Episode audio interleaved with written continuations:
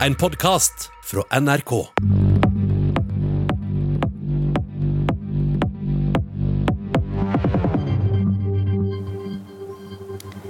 Han ligger an til å få partiets dårligste valgresultat på nesten 100 år, men også til å bli vår neste statsminister. Hei og velkommen, Jonas Gahr Støre. Takk skal du ha. Du, vi begynner med noen korte fakta om det. Du er altså partileder i Arbeiderpartiet. Du er 61 år gammel, fra Oslo, der du fremdeles bor i barndomshjemmet din på Ris. Før stortingsvalg så fikk Arbeiderpartiet 27,4% av stemmene, Men snittet på de siste målingene nå viser at det ligger an til å få 23,4% Og Støre, vi må begynne med at det er få dager til det norske folk skal avgi sin stemme. Fem dager til valget, for å være nøyaktig. Innspurten av valgkampen har vært prega av saker om politikere som har fått betalt bostad av det offentlige, og kanskje ikke skulle hatt det. Også en av dine representanter. Har det politikerne laga for gunstige regler for dere sjøl? Det skal det ikke være. Eh, og dette er jo tillitsbasert. At det skal være praktisk. Hvis du bor et helt annet sted i Norge, jobber i Stortinget, skal du ha mulighet til å få denne pendlerboligen. Men da må du både bo det andre stedet, og det må være reelt at det er en pendlerbolig. Er reglene for gunstige? Altså, jeg, tror veldig, jeg, tror de er uklare, eh, og det har Stortinget også bekreftet nå. så Det må vi rett og slett rydde opp i. for dette er som sagt tillitsbasert. Vi har raus lønn. Eh, og derfor så, Hvis det oppstår tvil om at det kan være sånn dobbelt bokholderi her, så må det rett og slett ryddes opp i raskt. Og Det vil du eh, ta initiativ til. Frykter du at slike saker går utover tilliten det norske folk har til politikere? Ja, jeg gjør det. fordi at det er tillitsbasert dette. Vi vedtar lover, vi vedtar retningslinjer som andre må følge. Da må vi følge våre egne. Mm. Du, Vi skal snakke politikk, eh, Støre, og vi skal begynne å snakke om bil og drivstoff. Mange syns bensinen i dag er dyr. Opp mot 20 kroner eh, kan den være. Og dyrere skal det bli når det skal legge på enda mer avgifter. Men Arbeiderpartiet det vil skjerme deg som bor i distrikta for denne auken her. Hvordan har du tenkt å få til det i praksis? Altså, utgangspunktet er at vi skal ha en rettferdig klimapolitikk som folk føler at de er med på. Så skal CO2-avgiften den skal opp i samfunnet vårt. For det handler om at forurenser betaler, og CO2 skal vi ha ned, og da må det koste mer. Eh, så har vi vist i vårt alternative budsjett, siste budsjettet, at da økte CO2-avgiften i samfunnet. Den økte med halv effekt på pumpa. 5 og så sier vi at fått veien fremover så skal vi skjerme de som bor i distrikter som har veldig høy eh, pris i utgangspunktet og dårlig mulighet til å lade elbilen sin. Mm. Og, Spørsmålet mitt handler egentlig om hvordan du har ja, tenkt å få til dette. Ja. fordi det, det, er ikke helt enkelt. Nei, det er ikke helt enkelt, men vi får jo til mye i dette landet vårt. Da. Det er langstrakt, og vi innretter det litt etter at det er langstrakt. Vi har noe som heter differensiert arbeidsgiveravgift, som svinger litt etter hvor det er i landet. Og vi har litt andre også uh, måter å, å dele uh, byrder og utgifter på. Dette må vi gå grundig inn i og utrede, men vi mener at f.eks. hvis du bor et sted som uh, la oss si i Finnmark, da, hvor du har gjennomsnittlig veldig høy pumpepris sammenlignet med resten av landet, og det er veldig langt til at du kan lade en sånn elbil, en langdistanseelbil som folk der trenger, så skal vi sørge for at de ikke opplever den økningen på pumpa. Men hvis bensinen da er billigere i Nordheimsund enn i Bergen, billigere på Ål enn i Drammen, vil ikke da folk i byene bare kjøre ut til distriktene jo, men altså, for å fylle nå, nå, nå snakket jeg om ganske lang distanse. Du kjører ikke fra Ål til Finnmark for å tanke, eh, hvis det er billigere der. Jeg men tror... Er det bare deg i Finnmark Nei, som skal men eh, altså, det vil jo alltid være slik hvis du lager en sånn grense at det er noen som bor en kilometer fra der det er, er billigere. Men poenget er å sørge for at de som lever steder, er avhengig av bilen. Dette er ikke et veldig stort uh, skal du si, innhugg i kuttet på CO2. Det kommer ikke til å få veldig stor betydning der, men det har betydning for folks økonomi. Det er så få som kommer til å få Eh, altså, ja, I de områdene, Hvis du tar i Nord-Norge, så er det jo da eh, Finnmark. Det, det, bor jo relativt færre der, men de er utsatt for dette. Vi har vært opptatt av Skal også få det i Innlandet, f.eks.? Nei, det må vi se på. Hvordan, hvordan, da som sagt prisene er, og hvordan tilgangen på lade elbil er. Men ikke sant, hvis vi skal få til dette skiftet vi skal gjennom på 20-tallet, som er enormt stort, vi skal få ned utslippene Hvis det blir urettferdig, Sånn som med fergepriser. Når eh, du får nullutslippsteknologi på fergene, det er bra, det koster mye penger, så sa Arbeiderpartiet det er urimelig at de som må ta den fergen, skal ta hele den regninga. Så nå har vi fått med Stortinget på å halvere fergeprisen. Det er et uttrykk for at politikken blir rettferdig, og da får vi mer flere med på den store dugnaden vi skal gjennom. Jeg skjønner at du vil gjøre det rettferdig, men, men jeg, prøver å skjønne litt hvordan du skal gjøre det i praksis. fordi at det, den rød-grønne regjeringa, som du også satt i, det utgreia dette om det kunne ha en såkalt differensiert drivstoffavgift, som, som det da heter. Husker du konklusjonen det da kom fram til i 2012? Uh, jeg husker ikke nøyaktig den, men, men, men det, det er vanskelig. En liten effekt. Ja høye administrasjonskostnader, og det er usikkert om de vil være i strid med EØS. Ja, Det må det ikke. Det må det være i, i, i, tråd med disse reglene. Men vi har altså et avklart statsstøtteregelverk, et uh, såkalt differensiert arbeidsgiveravgift.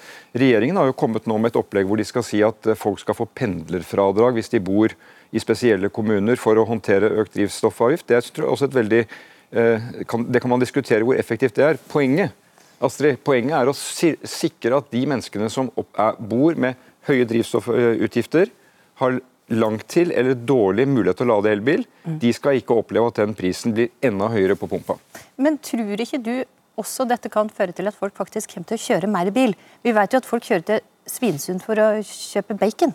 Da vil de jo kjøre noen kilometer for jo, å fylle billig bensin. Jeg tror jo på at det vi kommer til å se nå gjennom 20-tallet, er at den bilen du kommer til å kjøre for å kjøpe bacon, eller hva det måtte være, den er en elbil.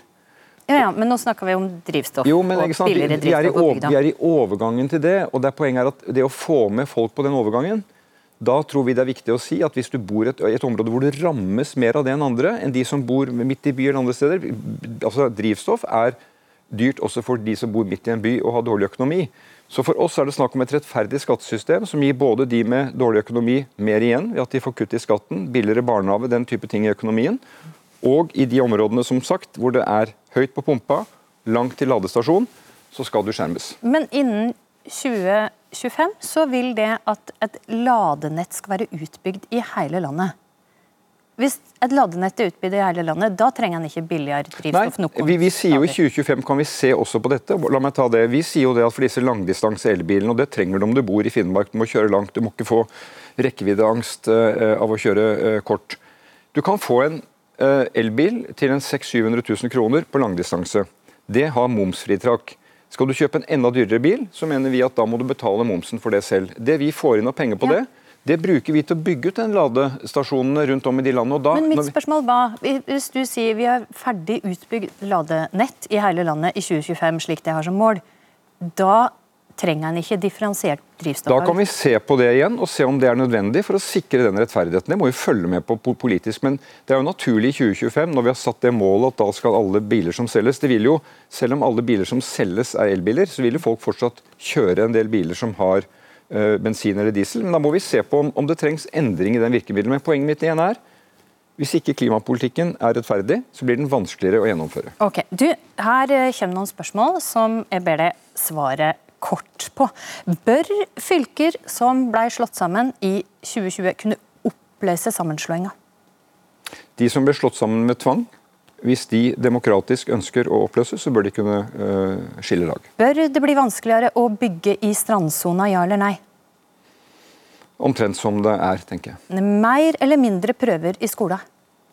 Uh, litt mindre, men riktige prøver. Det er for mye testing i dag. Vil det ha ei fraværsgrense i skolen? Ja. Bør vi ha mer enn to kjønn i Norge? Vi bør utrede uh, mulighetene for at de som har en identitet uh, som ikke er han eller hun, kan få den dekket. Kanskje. Kanskje. Uh, bør Norge ta imot flere eller færre kvoteflyktninger enn dagens regjering? Vi har 3500, det er altså 500 flere enn regjeringen, og det mener vi er et, et godt tall. Vil det gi gratis barnehageplass til barn nummer tre, slik Høyre har lova? Vi vil ha billigere barnehager til alle. Men ikke gratis til barn nummer tre? Vi har ikke lagt fram det forslaget, nei. Ok, du Støre, vi skal snakke om skatt. For i åtte år har det i Arbeiderpartiet langa ut mot den sittende regjeringa sin skattepolitikk. Likevel så har du lova å holde skattene på akkurat samme nivå som i 2020. Hvorfor det?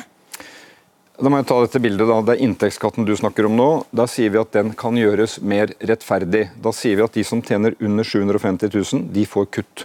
De får mindre skatt. Det dekkes inn ved at vi som tjener over 750 000, betaler noe mer. Det går i opp. Så sier vi at for selskapsskatten, den ligger på 22% i dag, den ligger fast. Nå går vi ut av en korona. Bedriftene våre skal ha forutsigbarhet. Det slår Arbeiderpartiet fast. Så sier vi formuesskatten. Der skal vi ha den litt opp, slik at de med høye formuer betaler noe mer formuesskatt, som de gjorde for en fem-seks år siden. Det er rettferdig, det gir fellesskapet litt mer ressurser. Og så sier vi på avgifter, som jo denne regjeringen har økt år for år, at hvis en avgift går opp, så skal en annen avgift eller en skatt gå tilsvarende ned. Mm. Du, Er dette en garanti, er det et løfte, er det en intensjon at nivået skal være likt? Det er Arbeiderpartiets løfte om skatt. Det jeg har sagt er at jeg garanterer at folk med vanlige inntekter, lavere inntekter, de skal få lavere skatt. Og folk som har høye formuer, de må betale noe mer. Men, så du garanterer ikke at nivået er likt som 2020?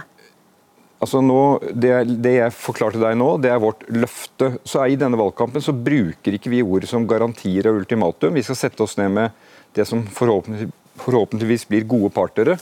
Eh, men Arbeiderpartiet har vist tidligere at vårt skatteopplegg er godt tilpasset den tiden vi lever i, og det er det som ligger til grunn for den regjeringen vi er klare for å lede. Ja, og Litt av grunnen til at jeg spør om dette, er jo at eh, SV de vil bruke langt mer penger, 18 milliarder mer. Og det kan hende at du blir avhengig av å samarbeide med MDG eller uh, Raut, som også vil øke skattene langt mer enn dette. Det, skal du, jeg, bare har du jeg kan bare avvise at Rødts skatteopplegg på noen måte skal være førende for Arbeiderpartiet. Kan du avvise at SV sitt skatteopplegg Nei, kan være førende for Arbeiderpartiet? Vi skal snakke med SV og Senterpartiet, men det skatteopplegget vi har lagt fram, det kaller jeg et skatteløfte. Det setter vi mye inn på å få, inn, få igjennom. Og jeg mener det ligger ganske godt balansert i forhold til Arbeiderpartiet, Senterpartiet og SV. Det er et godt og tilpasset opplegg. Ditt opplegg er Mitt det beste opplegg? opplegg. Ja. Bedre enn SV sitt. Skjønner. Du, um, sist det var i regjering, så ville det ha hadde det ei skatt på arv. Altså ei arveavgift. Den fjerna den blå-blå regjeringa. Er du enig i premisset om at ulikhet i større grad blir forma av arv enn av inntekt og formue? Nei, jeg mener at utviklingen i formue, som, hvor arv er et element, er det som driver forskjellene mest.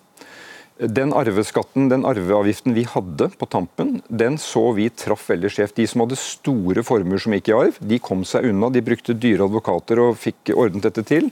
Mens det ofte var en familie som hadde hytta til bestefar, eh, som de arvet, og ikke klarte å gjøre opp for seg, som måtte selge og ikke fikk tatt den videre i arv. Så Vårt poeng er at vi mener det er mer treffsikkert å ha en formuesskatt som du betaler hvert år for høye formuer, eh, enn å ha en arveavgift som vi tror kommer til å bli gjenstand for masse uh, tilpasning for å komme seg unna.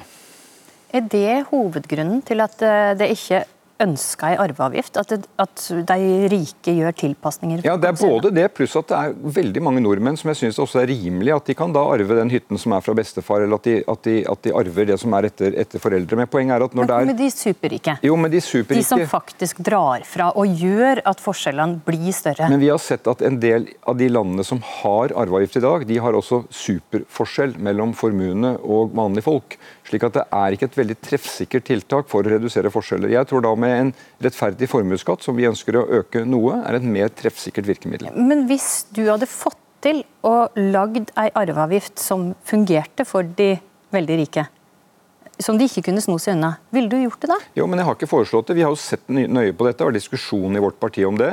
Eh, men vi har kommet til at det ikke er et, eh, et, et godt virkemiddel, og har ikke foreslått det. Men eh, økonomer, mange økonomer er enig i at hvis du skal gjøre noe med forskjellene, så er det viktigste og beste du kan gjøre, er å sette ei arveavgift. Jo, men Vi er altså i tvil og skeptisk til, og har ikke gått inn for den avgiften, fordi vi mener at den kan omgås lett. Det er vanskelig å innrette den. På papiret kan det se fint ut at du har et høyt bunnfradrag, og så tar du alle de på toppen. Men, men det blir veldig mye administrasjon, og de på toppen finner seg muligheter til å komme rundt. Det ser du fra andre land. Og som sagt så mener vi at en formuesskatt er mer treffsikker for å skatte høye formuer. Men du har en praktisk begrunnelse for å ikke ha arveavgift. Men ikke mener du Hvis det hadde gått an å finne en, en arveavgift som jo, altså, fungerte, ja, jeg er veldig for at politikken skal være praktisk, at den skal virke. Eh, og Vi vil ha en politikk som reduserer forskjellene. og Vi mener at eh, arveavgiften har mange eh, sideeffekter i forhold til vanlige folk som den ikke skal ha, og den treffer ikke de med mest på den måten som vi ønsker at den skal. Og Du får jo snart, kanskje, tilgang på alle Finansdepartementets ressurser. Du vil ikke engang utrede om dette kan fungere? Vi går ikke til valg på det, men jeg skal si deg det, Astrid, at når vi skal ha en ny skattereform da, en gang ut på 20-tallet, det gjør vi fra tid til annen, så har vi det veldig grundig utredet. Og Arbeiderpartiet har aldri foreslått en ny skatt ved neste budsjettrevisjon. Det gjør vi på grunnlag av veldig eh, solide faglige utredninger. Og jeg mener at dette med formuesutvikling i samfunn som våre, er det vi må studere nøyere for å se hvordan vi eh, sikrer at vi har rettferdig fordeling og rettferdig skatt.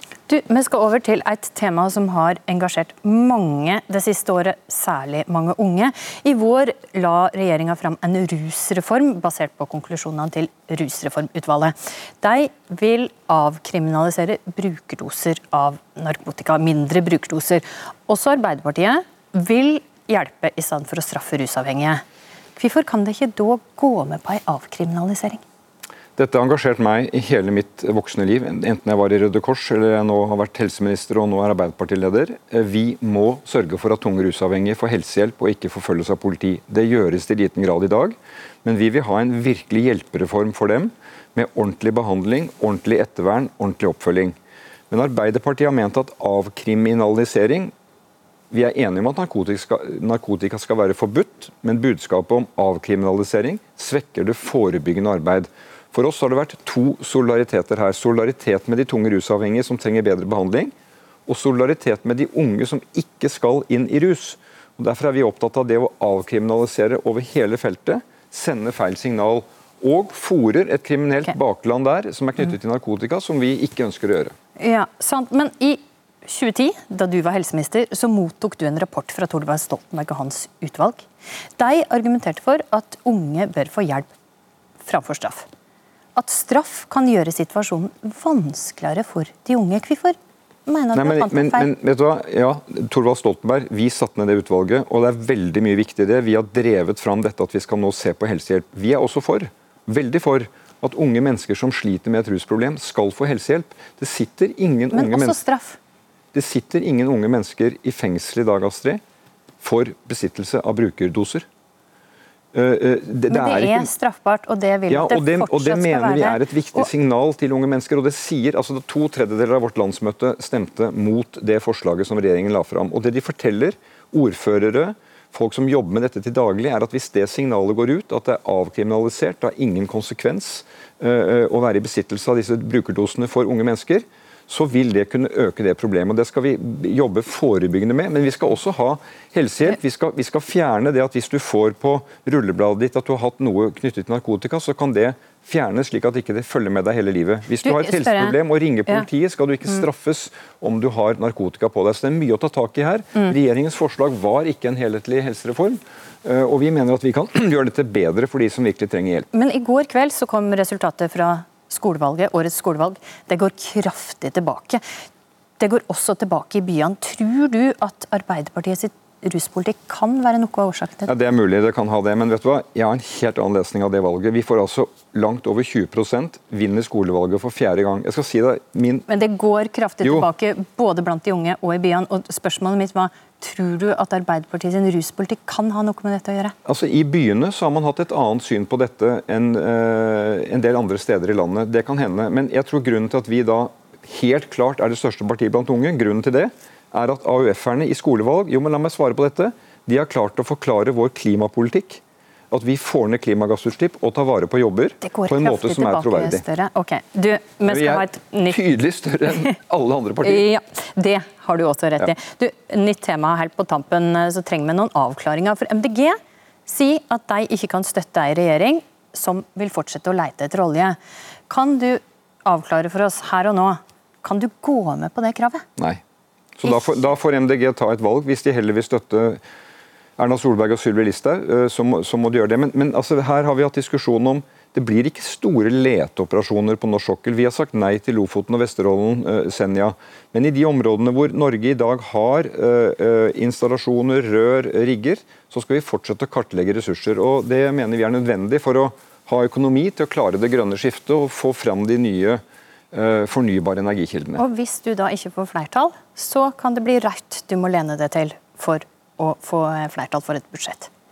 Jeg går til valg på noe jeg mener er sannsynlig, en flertallsregjering av Arbeiderpartiet, Senterpartiet og SV. Det er vårt scenario. og Vil du ha den politikken, så er Arbeiderpartiet som er svaret. Og et sterkt Arbeiderparti er viktig for å klare de årene som ligger foran oss. Og der sier jeg tusen takk for at eh, du kom til oss, eh, Jonas Gahr Støre. Men eh, fortsett gjerne å se på oss, for snart skal Støre få spørsmål fra publikum.